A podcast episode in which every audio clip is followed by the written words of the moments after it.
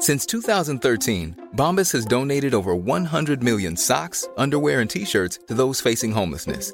If we counted those on air, this ad would last over 1,157 days. But if we counted the time it takes to make a donation possible, it would take just a few clicks. Because every time you make a purchase, Bombas donates an item to someone who needs it. Go to bombas.com slash ACAST and use code ACAST for 20% off your first purchase. That's bombas.com slash ACAST, code ACAST. There's never been a faster or easier way to start your weight loss journey than with PlushCare. PlushCare accepts most insurance plans and gives you online access to board-certified physicians who can prescribe FDA-approved weight loss medications like Wigovi and Zepbound for those who qualify. Take charge of your health and speak with a board-certified physician about a weight loss plan that's right for you. Get started today at plushcare.com slash weight loss. That's plushcare.com slash weight loss. plushcare.com slash weight loss. So, I just, I just oh, waved my daughter goodbye again. And I thought it would be easier the second time. Because she's already been away and she's been with me all summer. But I'm not making the drive with her. She's driving with her dad. But she's taking my car, which is my car, as my graduation present car. And so she's going to be driving that. And hon fick in det. I said it was just too hon- hon hade en painful. I don't think I could go through Precis. the driving away from campus again. Um, Det här är nog so, bäst. Det här är if there's anybody else going through this, we're all in it together. And I need to get my roots done. Mitt i allt blir hon Oh, självupptagen. it's so För, vem gör hon det här? Brooke Shields. För vem gör hon det här? Alltså, det, det finns ingen... Och sen, hon slutar heller aldrig.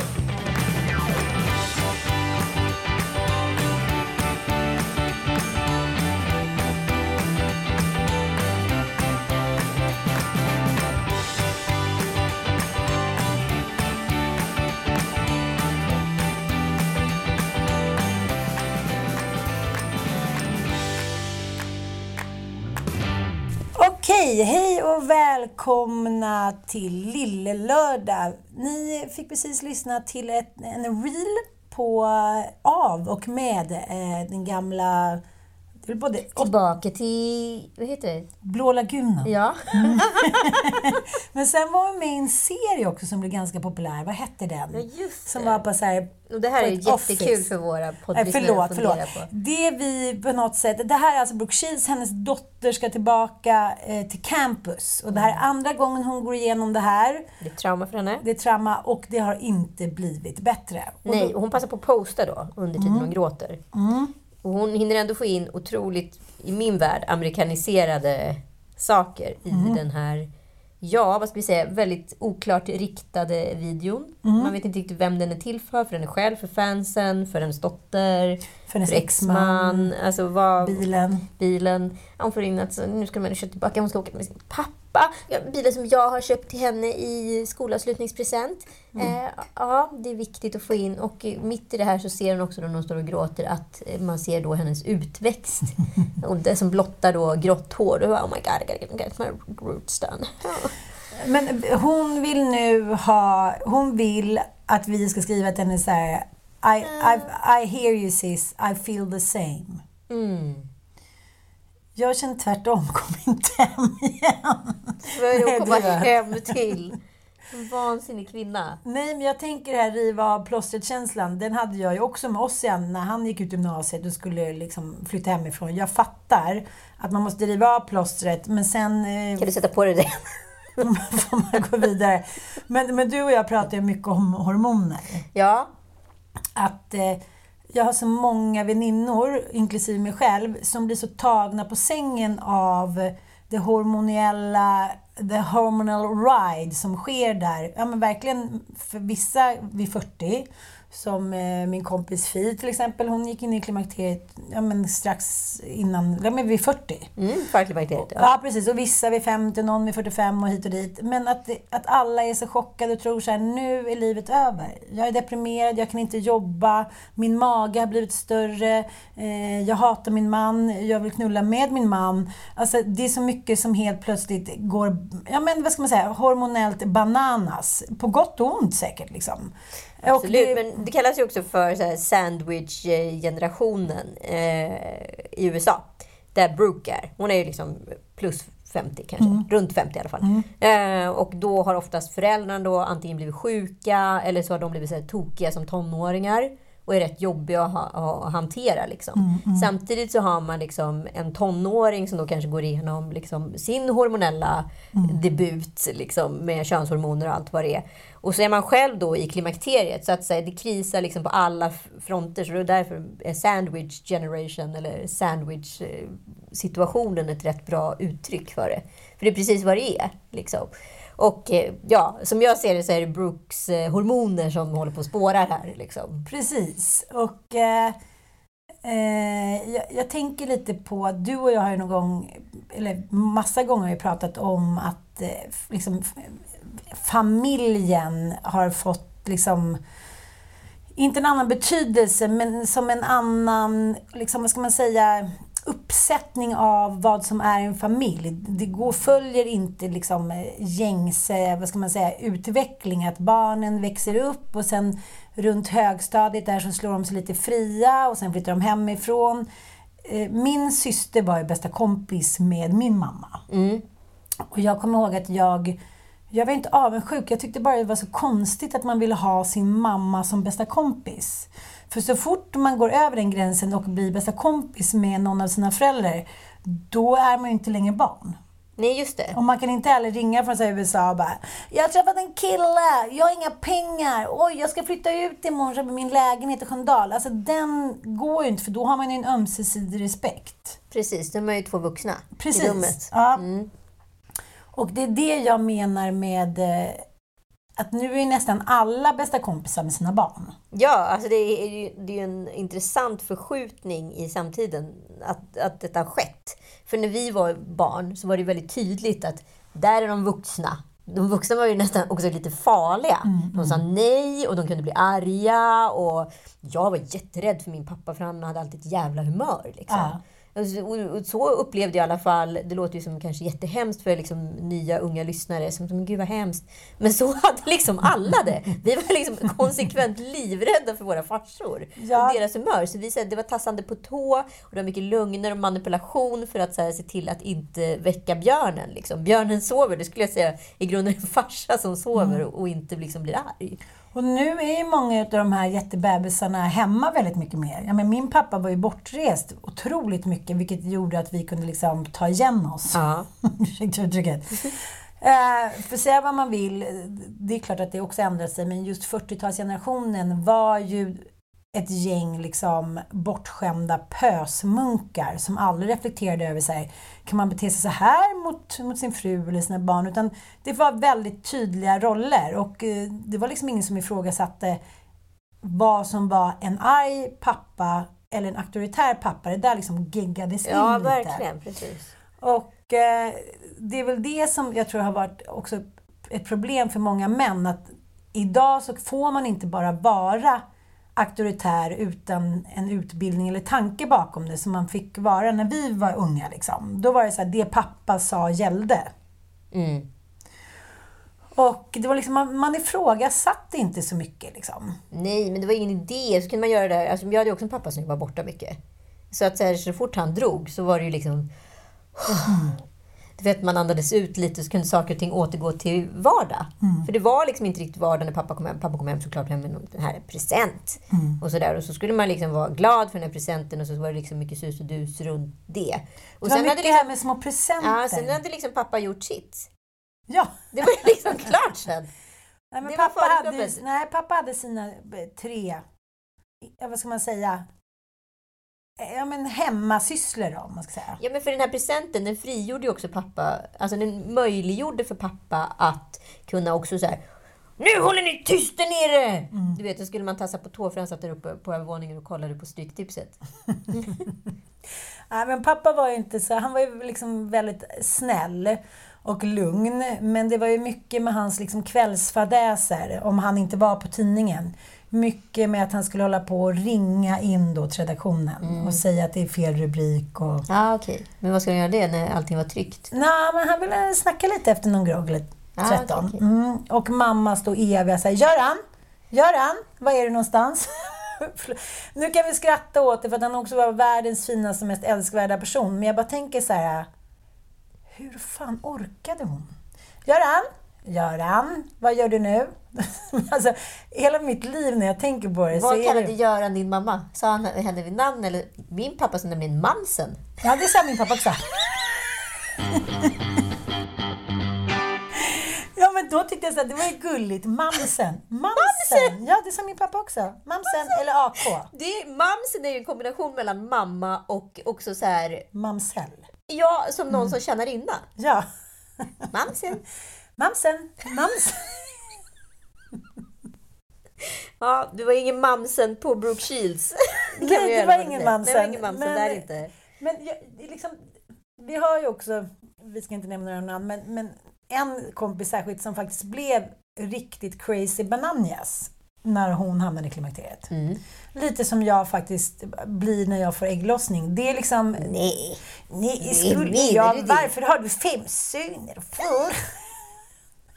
Var till dina synders skull. Nej, men du och jag har ju pratat om det där innan att vi skulle vilja liksom, att vi har försökt rota lite i det där kvinnomord. Att det är så få kvinnor som begår mord. Och hur många har gjort det här under ägglossnings eller liksom PMS? Ja, 99,9 procent. 100 procent. Helt säkert. Hur som helst, det vi ska komma fram till är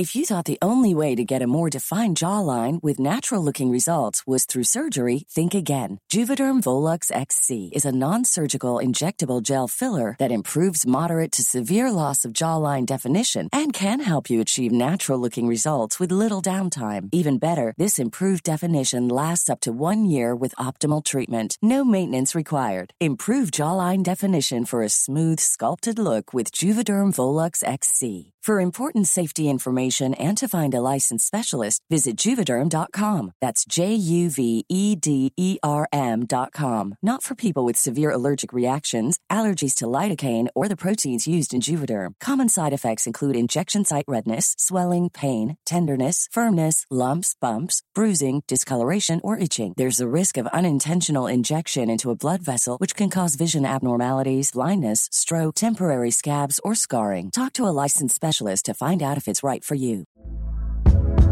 Hey there, it's Michelle Norris. I'm host of a podcast called Your Mama's Kitchen. When I travel, I'm usually looking for a way to find a taste of home when I'm not at home. And one of the things I love to do when I am at home is entertain. And Airbnb allows me to do that. When I was in California recently, I rented a house that had a great kitchen. And when we were sitting around the table, we were all thinking, we're in someone else's house. Someone could be in all of our homes as well. If you have a home, but you're not always at home, you have an Airbnb. Your home might be worth more than you think. Find out how much at airbnb.com/slash host.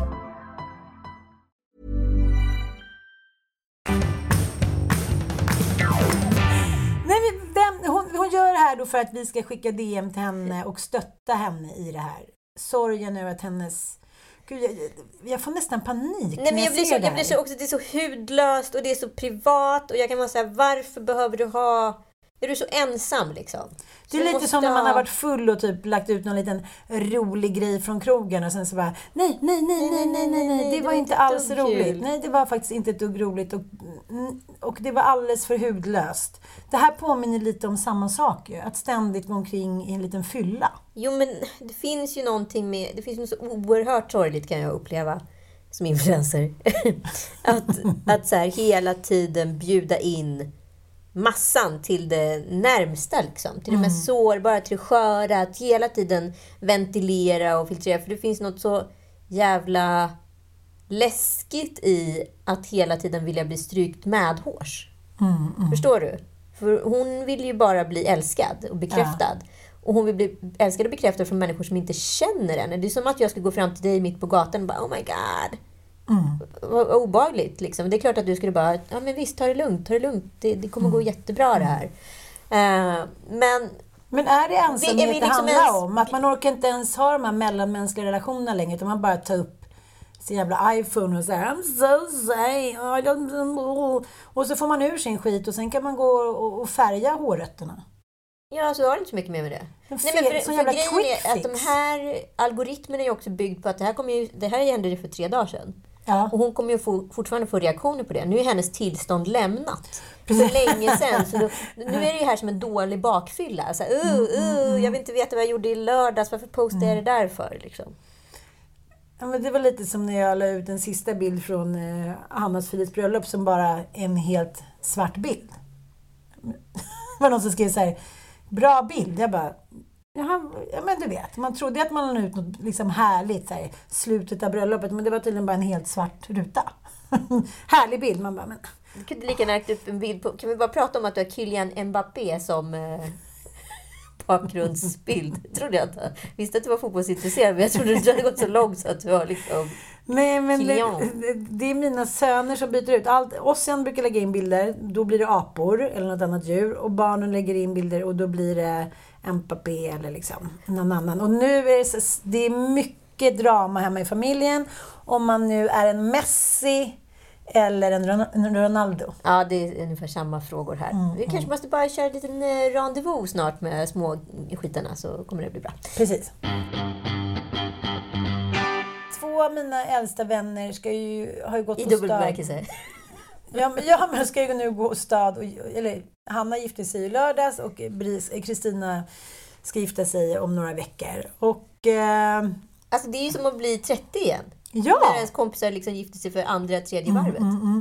det som är härligt är ju att för varje bröllop så blir det ju mer estetiskt genomtänkt, både vad gäller liksom klänningar och blomsterarrangemang och eh, sånger och hit och dit. Så det, det blir bättre och bättre. Man Kommer gör du ihåg de förr, första bröllopen Man man var gör på? inga nybörjarmisstag. Nej, jag kommer ihåg hur lycklig man var när man blev liksom bjuden på sitt första bröllop, när någon tjej i tjejgänget gifte sig. När, man- när man var så här, fick åka ut till Väddö kyrka och så här, sätta på sig en klänning och liksom sitta i någon... Eh, ja, men det var jättefint, men oftast, de första bröllopen var ju i såna här Folkets hus-liknande. Ja, exakt. Ja. Det var ju Hallberg som sa efter Malin Gramer och Kalle Falks bröllop att det är ingen idé att fattiga människor gifter sig. Fast då tyckte man ju bara att det var hur fint som helst. Och plockade, alla hjälpte till och plockade någon liten blomma och liksom... Ja, det var vackert. Ja, man, man sjöng en liten sång själv och man höll tal som aldrig tog slut och inte hade någon ihopknytning. Det har de i och för sig inte eh, längre heller. Men eh, nu är det så här, nu är det som, som att gå åka till Versailles Ja, gud och vara ja. med på bröllop. Och eh, jag hamnade ju bredvid några ungtuppar från Göteborg som var Philips bästa kompisar. Ja, just det. Och de är då runt ja, Joel ålder, höll jag på att säga. Ja, ja men runt 30 liksom. Och eh, dels så måste jag säga så här, de är ju så mycket bättre uppfostrade och trevliga än, än Stockholmskillar. Ja, gud ja. Ja, gud ja. Det är så artigt och det är så trevligt och de är, kommer fram och hälsar. Och den evigt glada mannen, är det göteborgare? Jag tror det. Nej men ärligt talat, är det så att de inte har haft, de har liksom inte haft några problem i Göteborg? så det finns inget så här, Nej, men de är så nära Norge. Jag säger att, jag säger att göteborgare det är ju Sve- Sveriges norrmän. Alltså nor, norrmän är ju Europas amerikaner. Alltså Ja. de älskar det ljuva livet. Ja, och det, här, det, det känns inte som att det behöver vara så himla liksom... Jag tycker vi i Stockholm är lite bortskämda. Det ska alltid vara lite så här extra, extra allt. Men göteborgare är lite så här... Ja, man får segla, man får äta en, en, liksom en skopa räkor och eh, man den, får gå på Håkan. det var ju också den roligaste grejen som hände på Hydra i, i somras. För efter första middagen, rehearsal middag, vad man säga, på fredagen där, Mm. get together. Så smed, gjorde jag några, en exilflykt till den enda lokala baren och jag stod ju såklart som vanligt tjata på DJn att få spela min musik, annars hade du blivit sur. Och så bara var det så här tokdans liksom, såklart, där nere. Och vi var väl ett gäng på fyra, fem personer. Och så plötsligt dyker det in tre glada gossar i så här, ja, men seglarbyxor, så här, mm. korsa Atlanten-outfits, röda, gröna, gula brallan och blå kavajen. Och jag, vi började tokdansa med dem också, för de är ju svenskar. Så jag bara så till sist efter ett tag så här, vad har ni för koppling till min kompis Lina? De bara, Lina, vem fan är det? vi ville bara ha lite skoj. Nej, då var det tre glada göteborgare som hade seglat då från Aten och hamnat på Hydra. Och du fattar, det var ju så roligt så att vi höll på att svimma utav skratt. Bara för att det, det, osannolikheten var så enorm. Mm. Och att man också hade kört på kanske i en glad timme med dem och trott att de också var festgäster. Innan vi förstod att de, de hade någon koppling glada. till De bara satt och mumsade och drack och så det är för sig väldigt roligt. Tillbaka till göteborgarna på Hannas bröllop. Ja, men eh, jag vet inte. Det, det är ju ändå en otrolig lokal patriotism i Göteborg. Gud ja! Nej, men, den, ja, men det är ju Skåne och Göteborg som har den. Nej, men... Och Norrland har ju också, det är bara vi i Stockholm som är helt... Ja, liksom... varför är vi så jävla Nej, svaga i, i, i sinnet och i köttet? Ja, men jag vet faktiskt inte. Det är så tråkigt. Det är så här, vi är så bortskämda med vår stad, så vi bryr oss inte längre. Nej, jag är så här, det finns liksom ingenting som är så vittnar om att vi bor i den här staden. Förutom någon gång så här, man älskar ju Stockholm. Där är det så här, Göteborg! Och de pratar om sin, liksom, sin lilla gata typ vid Majorna som att det vore liksom Champs-Élysées. eh, och Fåfängen är ju också ett ställe i Stockholm som ligger eh, liksom, vad ska man säga?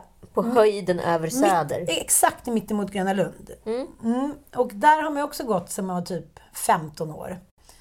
Mm. Och, jag har gått till Stockholm, ja. Ja, men det är ändå så här, man återkommer till ställen men allting har fräschats upp känns det som. Ja just det, den Det där var ju så skabbigt innan. Typ en sån gammal chokladboll som vinkade så här, Don't eat me, I'm gonna kill you. nu är det så fint där uppe och utsikten som var Hanna var så sjukt snygg. Snyggare än någonsin. Och, nej, men det, är bara, det är väldigt, väldigt mycket kärlek på bröllop. Och även om man tänker så här, Ja, men det här har jag varit på förut och så här. Och, men jag tänker ja, att det måste vara en viss liksom, åldersdifferens mellan gästerna. Ja, och det... För att det, det har jag ju tänkt på själv när jag umgås med liksom Joel och hans kompisar. För mm. deras liksom, respektive tjejer är ju 25 plus. Mm. Så är det ju, för det är oftast en femårig åldersskillnad hit och dit. Liksom. Ja, och det var också kul, för jag hade eh, också en tjej bredvid mig som, jag tror hon var kanske 26. Ja. Och hon var så här, gud, nu hoppas jag verkligen att min kille friar och att vi gifter oss. Och så. Jag var så här, jaha. Alltså, eh, hon var ju där, där jag var på mina första bröllop när jag fortfarande tänkte så här, men gud, det kommer vara den här mannen för resten av mitt liv och vi kommer alltid vara så snälla mot varandra. När du var på Smådalare Skans och plockade blommor på en äng. Precis. Ja. Eh, och då kände jag så här, men gud, jag, vad mycket som har hänt ändå. Ja. Och vad, vad, liksom, var man har blivit bedagad i sin romantik. Men jag har tänkt jättemycket det. Jag tycker det är tråkigt. Ja, men jag har tänkt jättemycket på det här eh, senaste tiden. För jag var så här, tryffel, det var någonting som var så oåtkomligt, ouppnåeligt. Ja. Det var någonting man i bästa fall fick prova på kanske var femte år. Mm, mm. Eh, för det var så dyrt och det var svårt att få tag i. Champagne, det var någonting som mina föräldrar kanske drack på nyår. Ah. Det var liksom en, en, det var svårt. Och, och, och, hummer, jag vill inte ens tänka på hur sällan man åt hummer. Om Nej, men det, som du säger, det var ju en gång per år. Man var på Gröna Lund. En gång per år. Ja, men om ens det. Nej, men alltså... Häromdagen sa min kompis om sin eh, sexårige son. Han har aldrig varit på Gröna Lund. Vi ska dit nu för första gången. Jag var så här, Va? Vad sa du? Ja, nu ska han dit för första gången. Jag ska kolla på Frasse. Han bara såhär, okej okay, vad... Det är ju den stora lekparken. Ja, han kan ju så berätta vad de olika toaletterna Jag kan gå i sömnen. Nej, så tänkte jag så här, det är hon som har gjort rätt. Ja, men tillbaka till det jag försökte säga, att så här, det som har varit så ouppnåeligt i, i alla fall min uppväxt och liksom mm. svår, det är någonting, alltså idag har vi liksom hyvlar vi tryffel på pastan som vi käkar på en onsdag. Mm. Eh, vi dricker champagne när vi går ut och tar en fördrink på mm. krogen. Mm. Alltså, hummer kan jag käka liksom, eh, ja, flera gånger per år. Alltså det är ingenting som mm. så här... Fredagshummern i bara, ja, det tar toka till det lite. Ingenting som tar emot Nej. längre. Och jag bara funderar på, är det är det vi alla som har blivit rikare eller är det samtiden som har blivit billigare? Förstår du? Det är det här jag inte så här, vad, vad, är, vad är det som har hänt? Jo men det är ju såklart, dels är det uppluckrandet av traditioner. Och dels är det liksom ännu mer uppluckrandet av religionen, att man kanske ska bli, vara vid sin läst lite mer. Att säga, nej men om jag, om, jag tänker så här, de liksom, kompisar vars föräldrar var så här, okej, okay, vi tar hummer en vanlig fredag. Då var det antingen att det var liksom rika människor eller att det var något gränslöst. Ja, men jag tänker liksom också så här, att någon hade gift sig för tredje gången på 80-talet. Mm. Det hade ju inte hänt. För att stå, liksom slå på stort med ett bröllop. Det är ju någonting man unnade sig en gång under en livstid. Ja, men Don Johnson...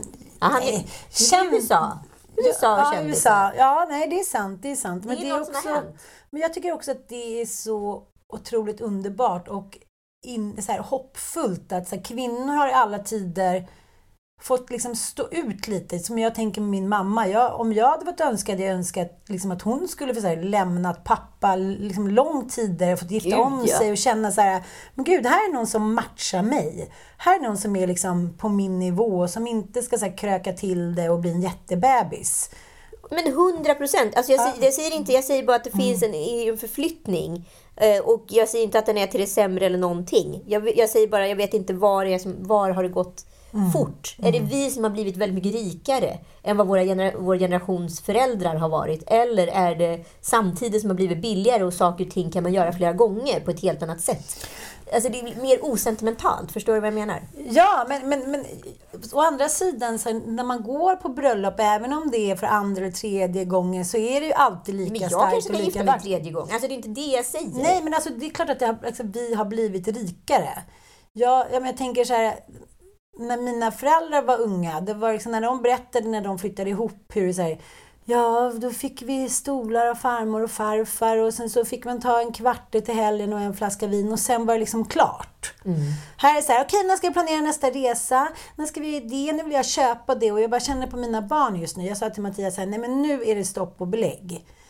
Vadå kan inte jag, jag vill ha ett par nya fotbollsskor för de där var inte snygga. Mm, mm, att man liksom köper sig tid också. Mm, nej men vadå, vi, åkte man ju, alltså, vi hade det ju rätt bra ställt när jag var liten. Nu var vi kanske vad man skulle kalla för övre medelklass. Mm. Och då åkte vi utomlands en gång per år. Men jag hade ju ja. kompisar som inte åkte utomlands kanske var femte, var sjätte år.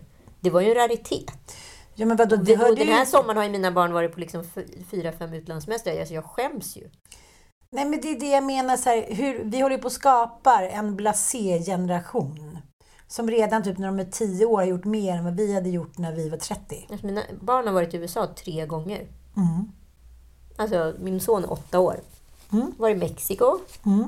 Ja, men du vet... ja, men det är ju för att vi vill resa, inte för att de vill resa. Nej, men det är klart. Jag tyckte det var så otroligt men intressant. När man sätter det i perspektiv så blir det ändå intressant. Men här någonstans, mm. i den här förflyttningen, så ser vi vad världen har skevat ur. Mm. Jag läste en otroligt bra krönika idag i eh, Expressen, när en lärare liksom läxade upp politiker och svenska samhället av vad en skola är. Och jag håller med henne liksom till punkt och pricka på allt hon säger. Eh, Filippa Mannheimer, läs gärna den på Expressen om ni kan söka upp den. Eh, väldigt vettigt. Det, det, det är någonting som har skett i samhället. Insikten av att vi tycker att vi är värda och att vi unnar oss saker är ju, är ju, har ju blivit liksom inbyggda i vårt DNA på ett sätt. Mm. Precis som den här unga tjejen som längtar efter att få gifta sig. Att det är så sådana självklarheter. Mm. Liksom.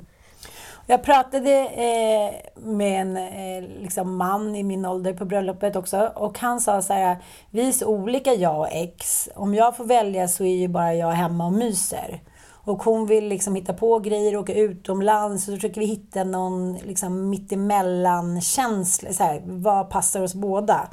Och det där har ju jag och Mattias liksom många små eh, liksom halvbråk, eller inte bråk, men snack om att han är så här jag hinner liksom inte med och du är så himla stark också, att, så här, att det är så här det är. Och eh, jag bara, men vadå, det här det är inte mycket, det, liksom, jag tycker alla andra gör ju det. Han bara, jo, jo, men, men alla andra, okej. Okay. Just det här, så här, var har det skenat? Ja, Förstår fear du? Fear of FOMO. Alltså vi är ju så rädda att liksom inte Alltså vi har ju blivit en sån otroligt liksom, homogen grupp som lyckotrippar hela tiden. Och när vi då har trippat på lycka en gång, då måste ju liksom nästa fest eller nästa resa eller whatever it is. Liksom, nästa middag blir storslagen på ett sätt. Och i det här storslagna livet så försvinner ju allting som är tråkigt. Så jag tänker mer på liksom mina barn som jag 100% alltså, tok skämmer bort. Vad, fan, vad fan får de för värderingar av livet? Liksom? Men jag tänkte, jag, jag låg och läste en, en avhandling om lycka Ja. härom eh, ja, natten. Och eh, den var väldigt intressant. Den, den tog bland annat upp så här, hur vi definierar lycka och liksom hur det har ändrats ja, men genom århundradena. Liksom. Och eh, ja, men på medeltiden då var ju ändå kvinnan ganska stark. Hon kunde ärva, hon kunde ta över sin mans jobb och bla bla. Det var krig och hit och dit. Och sen så har det liksom vänt och så blir kvinnan har blivit mer och mer strypt. Fram till 1960-talet i stort Ja, men alltså, det har ju gått egentligen i cykler. Ja. Alltså, så, alltså, kvinnor och män har varit jämställda. Eh, Som sjöfarten som vi pratade om. Ja, Den var ja, styrd av ja. kvinnor. Alltså, det har ju gått i cykler och nu är vi liksom i en kvinnovåg igen. Det Mm. kommer förmodligen gå tillbaka. och så kommer det hålla på sådär för det är en helt ny generation som hela tiden ska uppfinna hjulet. Och då, därför kommer ju inte mänskligheten bara vara framåt eftersom vi, vi hela tiden... Ja, vi kommer ju komma in på det här mer i podden, att det är en ny generation och då kommer man komma tillbaka till samma fällor som vi har gått igenom. Mm. mm.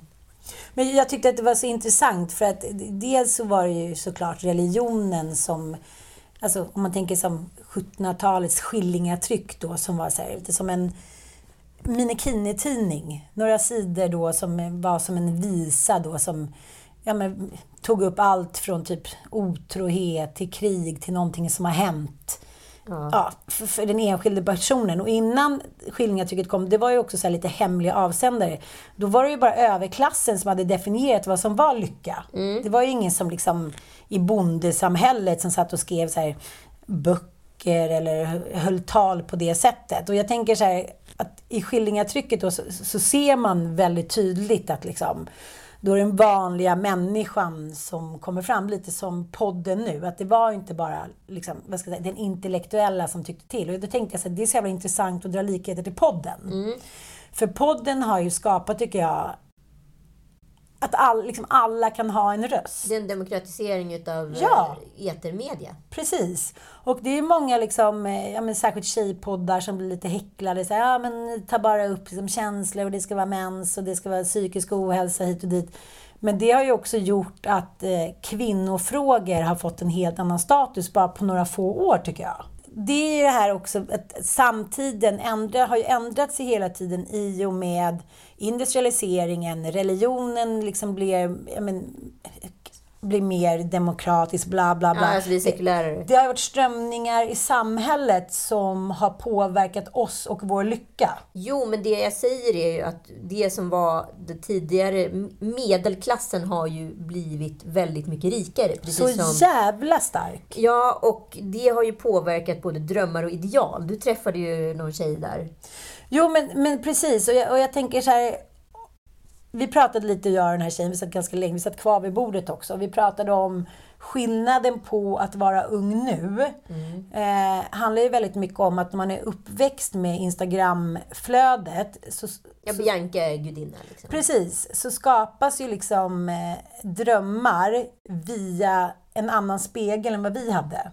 Våra drömmar skapades ju liksom via ideal som vi alla hade. Det fanns ju Grannar som film och, och ja, och film och TV. Ja, men och, det, Och musik. och det är ju en väldigt så här, relevant eh, insikt i hela den här diskussionen. För att så här, all typ av medier som du och jag historiskt har konsumerat. Om vi sätter på en LP-skiva eller en film eller whatever. Då har vi oftast två personer som pratar om, ett, om med det tredje mediet. Förstår du? Ja, ja. Men sociala medier är ju, det här är ju liksom den intressanta samhällsförskjutningen. För här är då sociala medier, alltså personen som är objektet eller vad man ska kalla det för, som kommunicerar direkt med mottagaren. Jag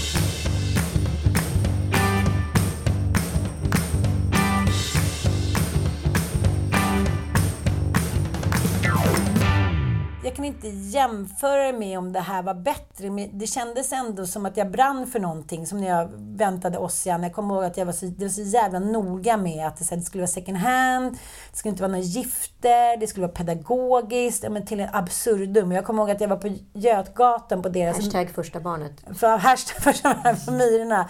Bara, åh, den där var så fin den där vagnen. Ja, men du vet, jag var besatt, jag köpte gamla vagnar, du vet, som är så här Hövholmshöga på stan. Går är runt en liten husvagn på stan. Jag kommer ihåg att Fia var min barn, hon hjälpte mig, det var lite så här barnflicka-tiden. Hon bara, den är jättefin den här ljusblåa liksom, Brio-vagnen, men det, den är en centimeter hög eftersom förr i tiden så, så, de facto satte man ju fast barn med sådana här remmar. Så att han låg hela tiden såhär. höll på att liksom ramla över hela sammetskanten. Så att hon liksom sprang omkring där och försökte så här rädda honom för att inte ta sig ut. Men den första vagnen var också en Brio. Den var så tung så att den måste ha vägt 600 kilo. Till slut fick jag handledsproblem. Jag fick alltså tennishänder. Jag var så här, eh, så här, så här. Så var det någon som skulle testa den där som skulle gå runt lite med oss. Jag bara, nej men nu får du väl ge dig. Du, här, då går omkring med gammalt tröskverk från Det är, svårt, det 1833. är svårt att veta vad den här, det här samtalet ska... Nej, men jag, men- men jag tänker att det fanns i alla fall på något sätt, det fanns flera strömningar. Idag finns det väldigt få strömningar och strömningarna är också de förebilderna som finns för ungdomar. Alla ser likadana ut. Alla svindyra kläder, alla svinsnygga i håret. Bara kolla på så gamla Det finns liksom inte en misslyckad bild i någons Nej! album. Och det, det jag brukar återkomma till det, jag hittade gamla bilder på mig från olika tågluffar hit och dit. Jag känner så här, jag har inte sett en sån där bild när någon sitter och halvsover. Nu hade i och för sig mina kompisar lagt så här ölburk. Jo, men Det- alltså det finns är liksom inte Nej, en alla är perfekta. Alla är perfekta hela tiden och den här per perfektionismen det, det skapar ju liksom en sån jävla olycka, Mm. tror jag. Men, men jag och Mattias bestämde nu att fram till jul Mm. så ska vi liksom inte hålla på och planera någonting, inte liksom tänka så här, vi ska leva... Lycka till! Men jag, jag fattar själv att det här låter helt patetiskt, men det kommer ju bli jättekonstigt. Ah. Men jag tänker så här, det är lite som när man trappar ner på vad fan som helst. Så kommer det efter några månader inte... Jag jag checkar in med dig om en vecka, tänker jag. Och Ja. kollar om du har lyckats att inte genomföra några planer. För jag hörde precis att du höll på att kolla på en sommarstuga nämligen. Ja, men förutom den då. Mm, men nu ska jag ta en klunk av ett glas vatten. Nu kommer jag att tänka på farmor Inga igen. Hur jag en gång skulle dricka ett glas vatten och sen det låg ett par löständer. Ja, så jävla äckligt. Ja, men det är också någonting så här, tänk dig någon idag som skulle gå omkring med löständer. Men det här är inte 600 år sedan. Nej, men det har hänt så fruktansvärt mycket på vår livstid. Alltså, vi har fått vara med om... Nej, men jag tänkte på min mamma som så här...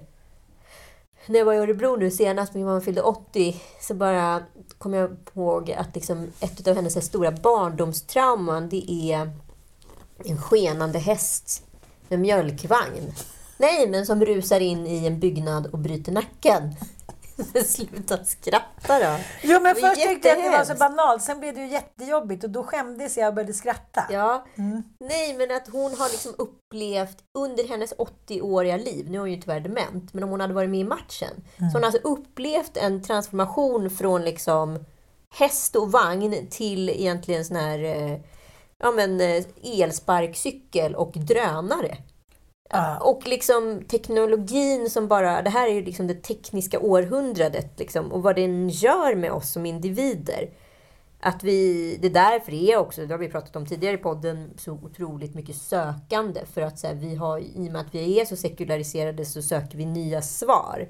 För mänskligheten är för liten för att inte tro på någonting. Då börjar vi söka i naturen, i rymden och det är mycket olika liksom, subkulturer med olika liksom, spirituella inställningar. Men det som jag ändå tycker är underbart med den här generationen, det är ju att det högsta, alltså att man ändå har tänkt till. För, för oss var det oftast att om man skulle flytta hemifrån då, eller få åka på någon utlandsresa innan man var en viss ålder, då fick man åka med sin kille. Mm. Man flyttade liksom ihop direkt med sin kille och det blev ganska snabbt så här, ett traditionellt liv. Liksom. Ja, nej, men det blir ju väldigt paranormativt. Jag läste också polisen nu som hade då insett att den här planen som är instiftad då med, med den här sekretessbeläggningen som sossar då satt upp, alltså stiftat på regeringsnivå, den är ju från 1968. Och jag undrar hur mycket i vår samtid som fortfarande liksom är liksom sprunget ur 1968 års stadgar för att det känns ju verkligen som att lagstiftningen inte har hängt med samhället. Sen har samhället gått väldigt fort med det sagt de senaste tio åren. Jag minns bara när jag fick Penny att värderingsmässigt såg mitt liv väldigt annorlunda ut. Det är 11 år sedan. Det har hänt någonting de här senaste tio åren. Nu ska vi inte prata om det här längre. Jag tror bara att vi inte riktigt hunnit med och det skapar lite en ångestkänsla som vi inte kan förklara. Ska ju till Göteborg i helgen. Absolut, absolut. Som alla Eh, andra stockholmare höll jag på att säga. Precis. Kan vi få lite Håkan Hellström i bakgrunden här nu?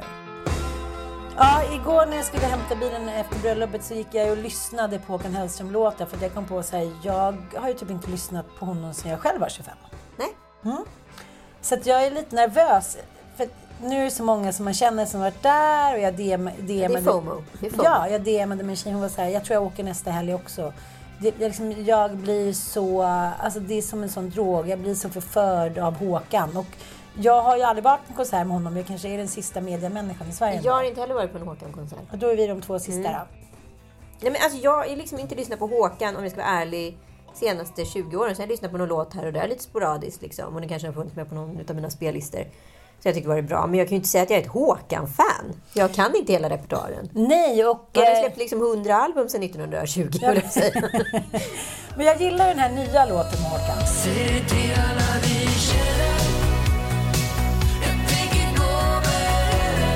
Den är ju liksom catchy. Det kanske inte är så här jättemycket Håkan och ungdom och så här livet, eh, vi måste förändra hela världen. Men jag tycker den är lite catchy bla bla.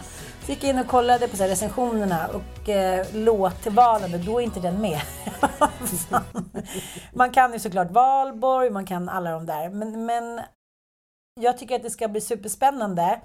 Men jag är också lite, lite rädd att jag inte ska slukas upp, fast det gör man ju. Ja, men det är väl klart. Ja. Jag kommer tycka att det är fantastiskt. Men jag ska nu den här veckan så nu går jag ju och övar på låtarna. Men det som är intressant med en artist som Håkan då, nu såg jag från olika Instagram-stories här att han gick runt på scenen då i matadorkläder och han är liksom, eh, om det inte är sjömansjacka så är det matador eller så är det något annat liksom, vad ska jag säga, manligt attribut. Och det här är ju ingenting som han tänker på såklart, men jag tänkte på signalvärdet ändå, för jag såg också så här Daniela Rattan, tror jag, som gästspelade hos honom, hur hon liksom sexjuckdansade och hade någon liksom semi-strippshow liksom under konserten. Och eh, det var faktiskt Cissi Wallin som tog upp det och jag har liksom gått och tänkt på det här men tänkte att jag bara blivit gammal och bitter. Men hon var så här, det har blivit en helt ny sexualisering utav kvinnliga artister. Eh, och liksom, om man kollar då på Sara Larssons scenshow så är det ju otroligt mycket jump twerks och liksom eh, slaps och allt möjligt. Och det är korta klänningar, mycket urringning, eh, gärna visa halva stjärten. Harry Styles däremot går runt i sin liksom, eh, vad ska man säga, manliga sparkdräkter utav olika... Det är inte mycket hud. Det är en del hud men det är fortfarande en väldigt så här, manlig dräkt liksom. Jo, fast det är inte så här, man tänker ju mer på så här, jättebebisar än på att man vill ligga med honom. 100 procent. Eh, och han behöver ju inte göra någonting för han behöver bara visa sig så vill folk ligga med honom ändå. Mm, The Weeknd, han har så, upp, han har så knäppt skjorta så att det finns liksom inte en knapp som är uppknäppt. Och han liksom går in på scenen som någon form av Messias eh, gestalt. Eh, Billie Eilish senaste plåtning i eh, Vogue står hon och poserar i en beige blazer med liksom uppknäppt. Under den så har hon liksom en en korsett, typ alla Madonna. Och hon har liksom lite Marilyn-look. i Hennes ögon är alldeles dimmiga och disiga och hon ser ut som att hon är drogpåverkad. Så, här, kom och ta mig-känsla liksom. Inget finger i munnen då, vilket är det nya superpopulära. Nej, men där kör ju liksom ofta så här Adriana Lima... Nej, vad heter hon? Adriana Lima heter hon. Förlåt. Och där kör ju däremot så här Adriana Grande och många av de yngre ligorna kör liksom fingret i munnen. Säg en manlig artist som ska behöva sätta fingret i munnen för att så här, vara sexig. Nej, det, det skulle inte vara Nej, sexigt. inte Jag Ed Sheeran i alla fall. Nej, men det... Ed Sheeran bara biter på naglarna. Han bara, ja, jag missförstod. Nej, men jag tycker ingen människa ser sexig ut med ett finger i munnen. Det, Nej, inte. och Beyoncé blir bara liksom, hennes kläder blir bara också mindre och mindre och eh, allt så anspelar ju på sex nu för tiden i hennes liksom eh, visuella attribut. Och Tove Los senaste skivomslag är det en kille som håller stryptag på henne och det är en sensuell och laddad stämning som att det ska vara liksom något strypsex going on och det är liksom lite, lite dirty och sådär. Och den här sexualiseringen utav musikbranschen den pågår ju ständigt. Alltså vi kommer ihåg från Madonna, men då kändes det ändå som att hon hade valt att sexualisera sig själv. Ja, och det var liksom någonting helt nytt också. Så det var så här, det var ju mest med fascination. Man kände inte så här, åh gud vad hon är sexig. Det Vad hon är aldrig. objektifierad har jag aldrig känt Nej, med inte Madonna, heller. utan tvärtom. Förrän utan här- nu då. Ja, förutom nu. Nej, men nu känner hon Man ju mer som en lite åt hennes desperat liksom, gumma. Men det som är intressant är ju för att jag, du också vuxit upp under en post-punk-era liksom, där kvinnor kunde sätta på sig en gitarr och personer som Adele idag behöver ju inte alls använda några sexuella attribut för att sälja skivor. Liksom. Eh, och tjejer med gitarr och rocktjejer och så vidare har ju aldrig behövt det sexuella kapitalet som attribut. Och det har ju varit, i alla fall när jag växte upp och det var den här DYU, Do It Yourself-eran med Kim Gordon, Sonic Youth, eh, Veruca Salt, alla de här tjejgrupperna från USA som bara poppade upp liksom. Eh, där tjejer kunde liksom åka skateboard och ha en gitarr och inte behövde vara sexiga för att få respekt. Den eran är ju jag uppvuxen med så att jag blir också väldigt så här förvånad när till och med så här rocktjejer idag eh, är sexualiserade. Jag skulle säga att så här, Lady Gaga för mig är ju en rockbrud. Hon har ju en rockröst om man nu kan säga så och liksom egentligen alla heavy metal-människor älskar ju henne. Liksom. Men hon har också sexualiserat sig med diverse små plagg. Och jag bara undrar så här, är det branschen som är extremt sexualiserad? Eller har unga tjejer ett behov utav bekräftelse genom att obje- objektifiera sig? För det här är ju liksom, om man kollar på WAP, eh, framträdandet av eh, Cardi B på Grammisgalan. Det är ju en strippshow på scenen. Där de liksom slänger upp rumpan i munnen. Det är en tjej som ligger under hennes vagina och så juckas det tillbaka och sen så är det som att de har en dildo emellan sig som inte syns. Så de, det är liksom som en porrfilmsakt utan liksom redskap som pågår där.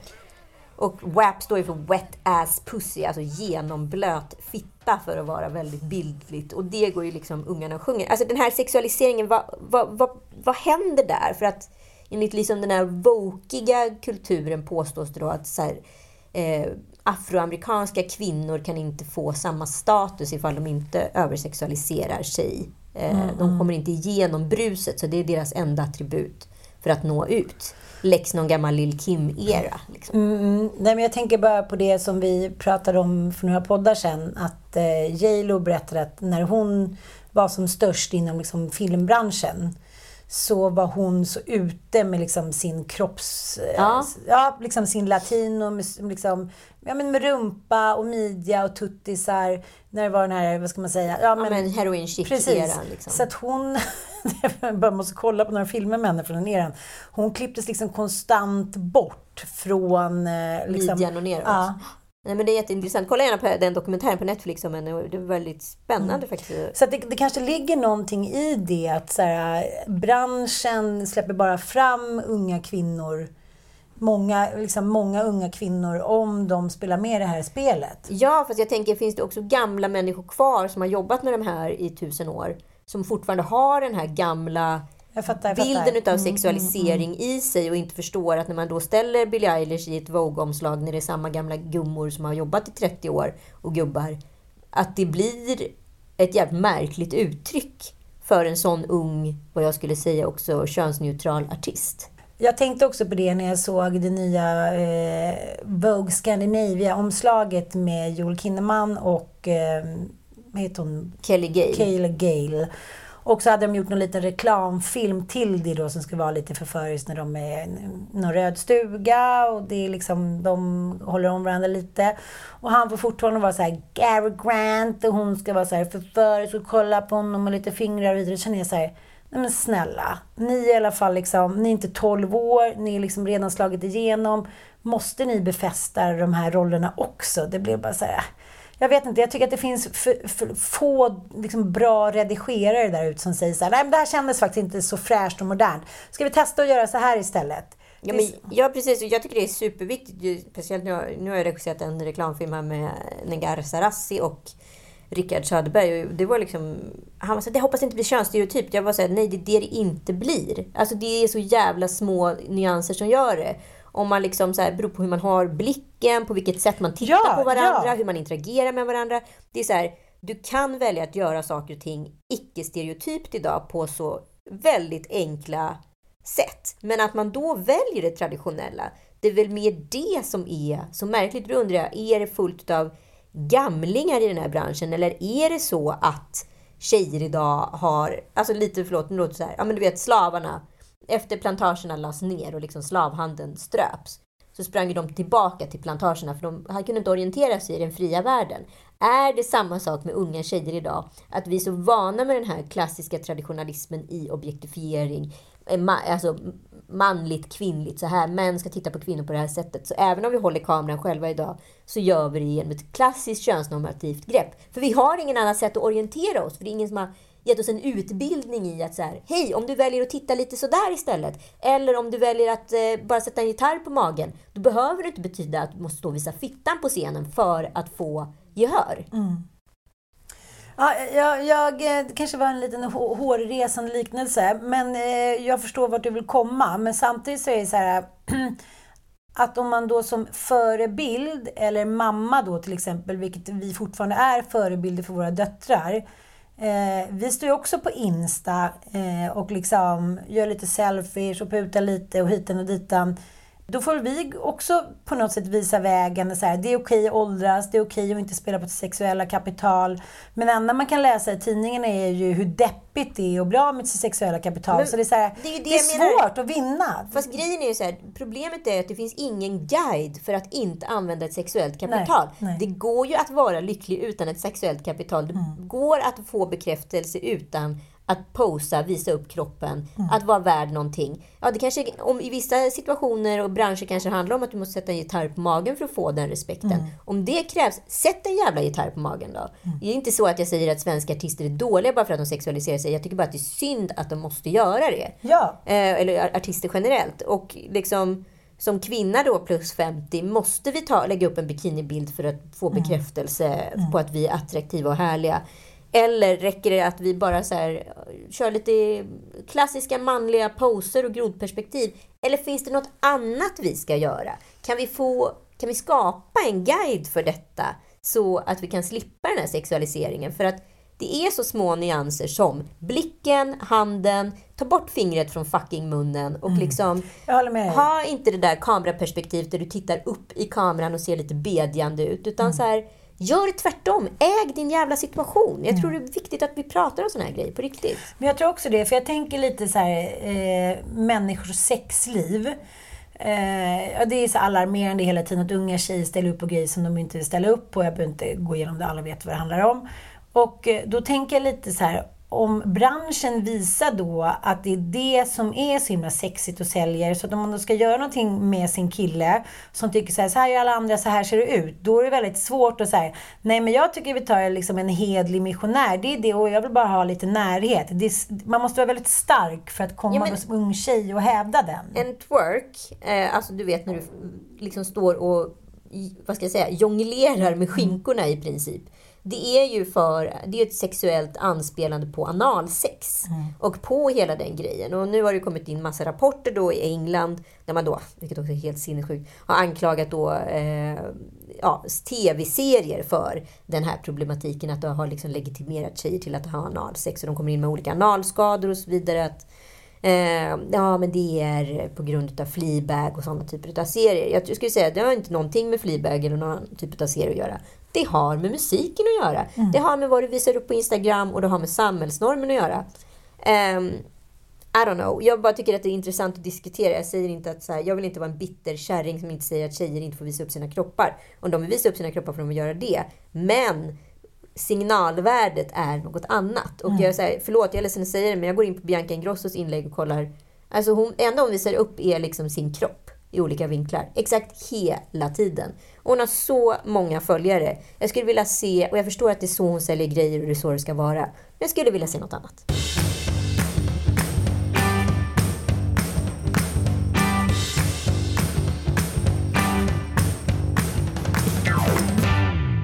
Det är väldigt många som eh, dansar i sociala medier och eh, jag gör inte det eftersom eh, Ja, eh, jag, jag, är fortfarande, jag är fortfarande... Du har ju här om veckan. Jag mår fortfarande dåligt efter att jag var på träningsresa med Sofia Wistam och hon skrattade typ hon låg och skrattade så länge. Hon var, det var så lyckligt skratt så jag tänkte så här, vad glad hon verkar där hon ligger och tittar på någon film. Så skoj! Får jag lägga mig bredvid? Nej, det var jag som dansade då, lite på kvällskvisten. Ja, men du vet så här, lite tantalora-grov. Mycket, ja. mycket kan jag tro om dig, men dans... Mamma är du inte. Nej, det är jag inte. Och därför så känner jag så här, det, det blir bara outhärdligt. Varför ska någon titta på mig när det finns här 999 miljoner människor som faktiskt har the groove? Då kan väl de dansa, så kan jag kanske göra någon liten rolig grej eller något annat. Men nu eh, är det så att så här, visa mig en dansfilm med en mamma till och jag så här, uh, skriker. Det stås lite bara på TikTok eller på Insta. Det knäpps lite, det rörs lite på något ben, det görs någon rörelse. Och sen var det bra med det. Mm. Är du med mig? Ja, jag är med dig. Ja. Ja. Du, du vill inte att folk ska dansa på sociala medier? Det är det du säger. Du vill, inte, du vill införa en nej, åldersgräns för, för dansande på sociala medier. Nej, men jag blir ju glad för jag tänker så här, åh, nu är det någon som ska dansa lite. Att göra en liten show. Rör lite på höfterna och sen så gör en liten snurr och sen så... Men det handlar inte det också om i grunden att man vill posa och få liksom, exponera sin kropp och få bekräftelse?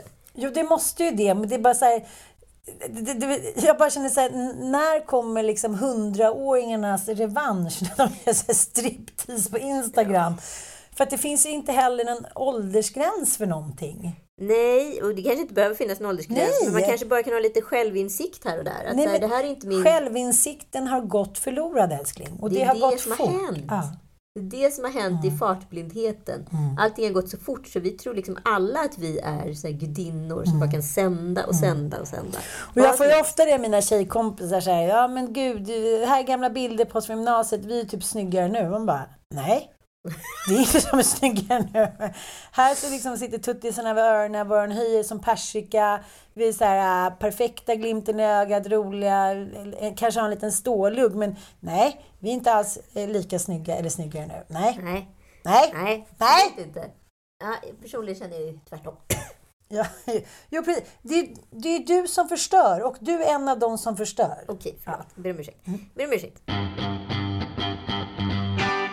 med du den här liksom fartblindheten och liksom självupptagenheten, då tänker jag, om vi nu skulle leka en liten rolig lek här, mm. du och jag, eh, och tänka på dåtidsartister, om de skulle fötts idag i ja. ny form, vem hade de varit då?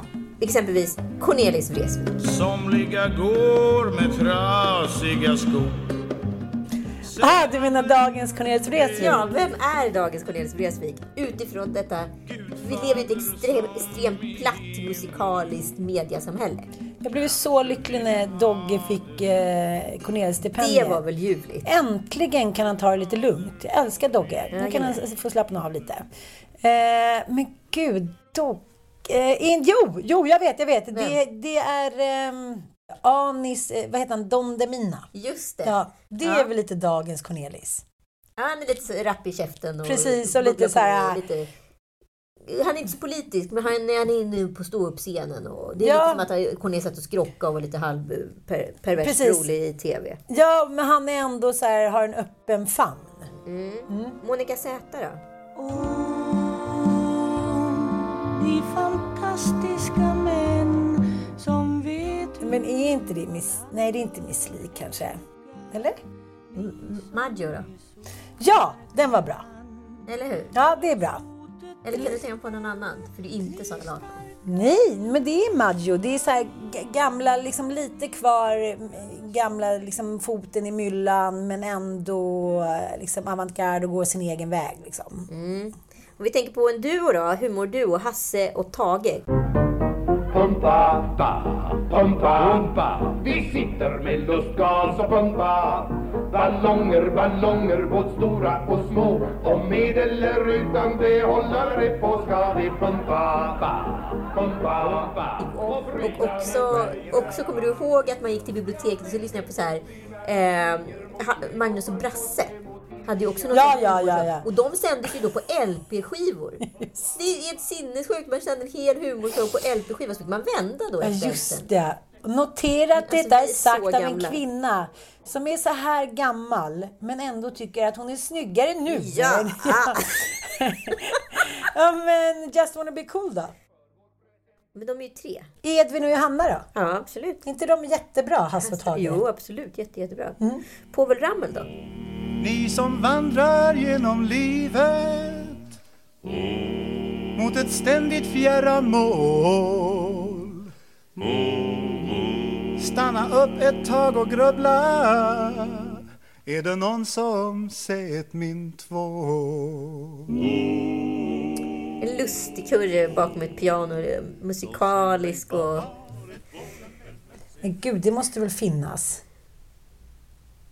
Ja, men jag tänker någon som har liksom ena foten i musik, Ja, jag fattar, jag andra fattar, jag i fattar. stand-up och, Eh, ja, ja. och ändå eh, lite politiskt. Ja, men det är han eh, Ove Sundblad.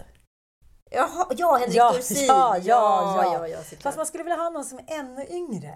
Eller hur? Han är nästan lite för gammal. för Ja, han är, han är, liksom, i han är lika gammal. nej, nej, men, eh, nej, men någon ny som kommer underifrån då? Ja. Eh, ja. Ni lyssnare får gärna skicka Ja, in ja, förslag ja. på vem som är veckans påvel, höll jag på att säga. Okej, sista då. Beppe Wolgers. Jo, nu var det så här att Jaffar sa Du, var det din trappa ramla? Vad då, sa Mats. Äsch, jag sa fel, sa Jaffar. Jag menar, var det din pappa och mamma? Så sa jag trappa och ramla istället. Men Lite barnprogramledare, lite musiker, lite så här, varit med i lite filmer. eh, vad är, Men David Sundin, David Sundin. David Sundin, gud vad bra. Ja, Han passar in på alla här. Ja, faktiskt nästan. Och eh, vi måste ju ta en till som jag tänkte på. Eh, Stickan Andersson höll jag säga. Men eh, Sick, eh, Sickan Karlsson. det är väl eh, Sanna Nilsson. Hej Ja, Sanna! verkligen Sickan Karlsson. Googla, lite gullig gumma med grulligt hår. Det är så mysigt alltid det.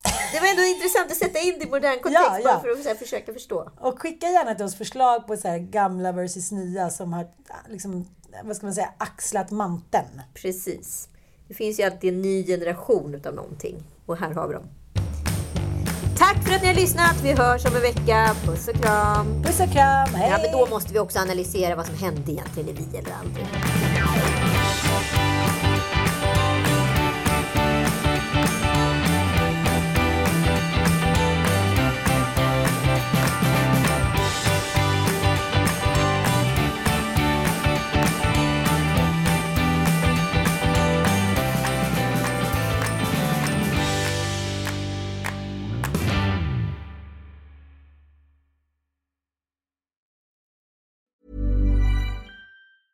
Planning for your next trip? Elevate your travel style with Quince. Quince has all the jet setting essentials you'll want for your next getaway, like European linen, premium luggage options, buttery soft Italian leather bags, and so much more. And is all priced at 50 to 80% less than similar brands. Plus, Quince only works with factories that use safe and ethical manufacturing practices. Pack your bags with high-quality essentials you'll be wearing for vacations to come with Quince. Go to quince.com slash pack for free shipping and 365-day returns.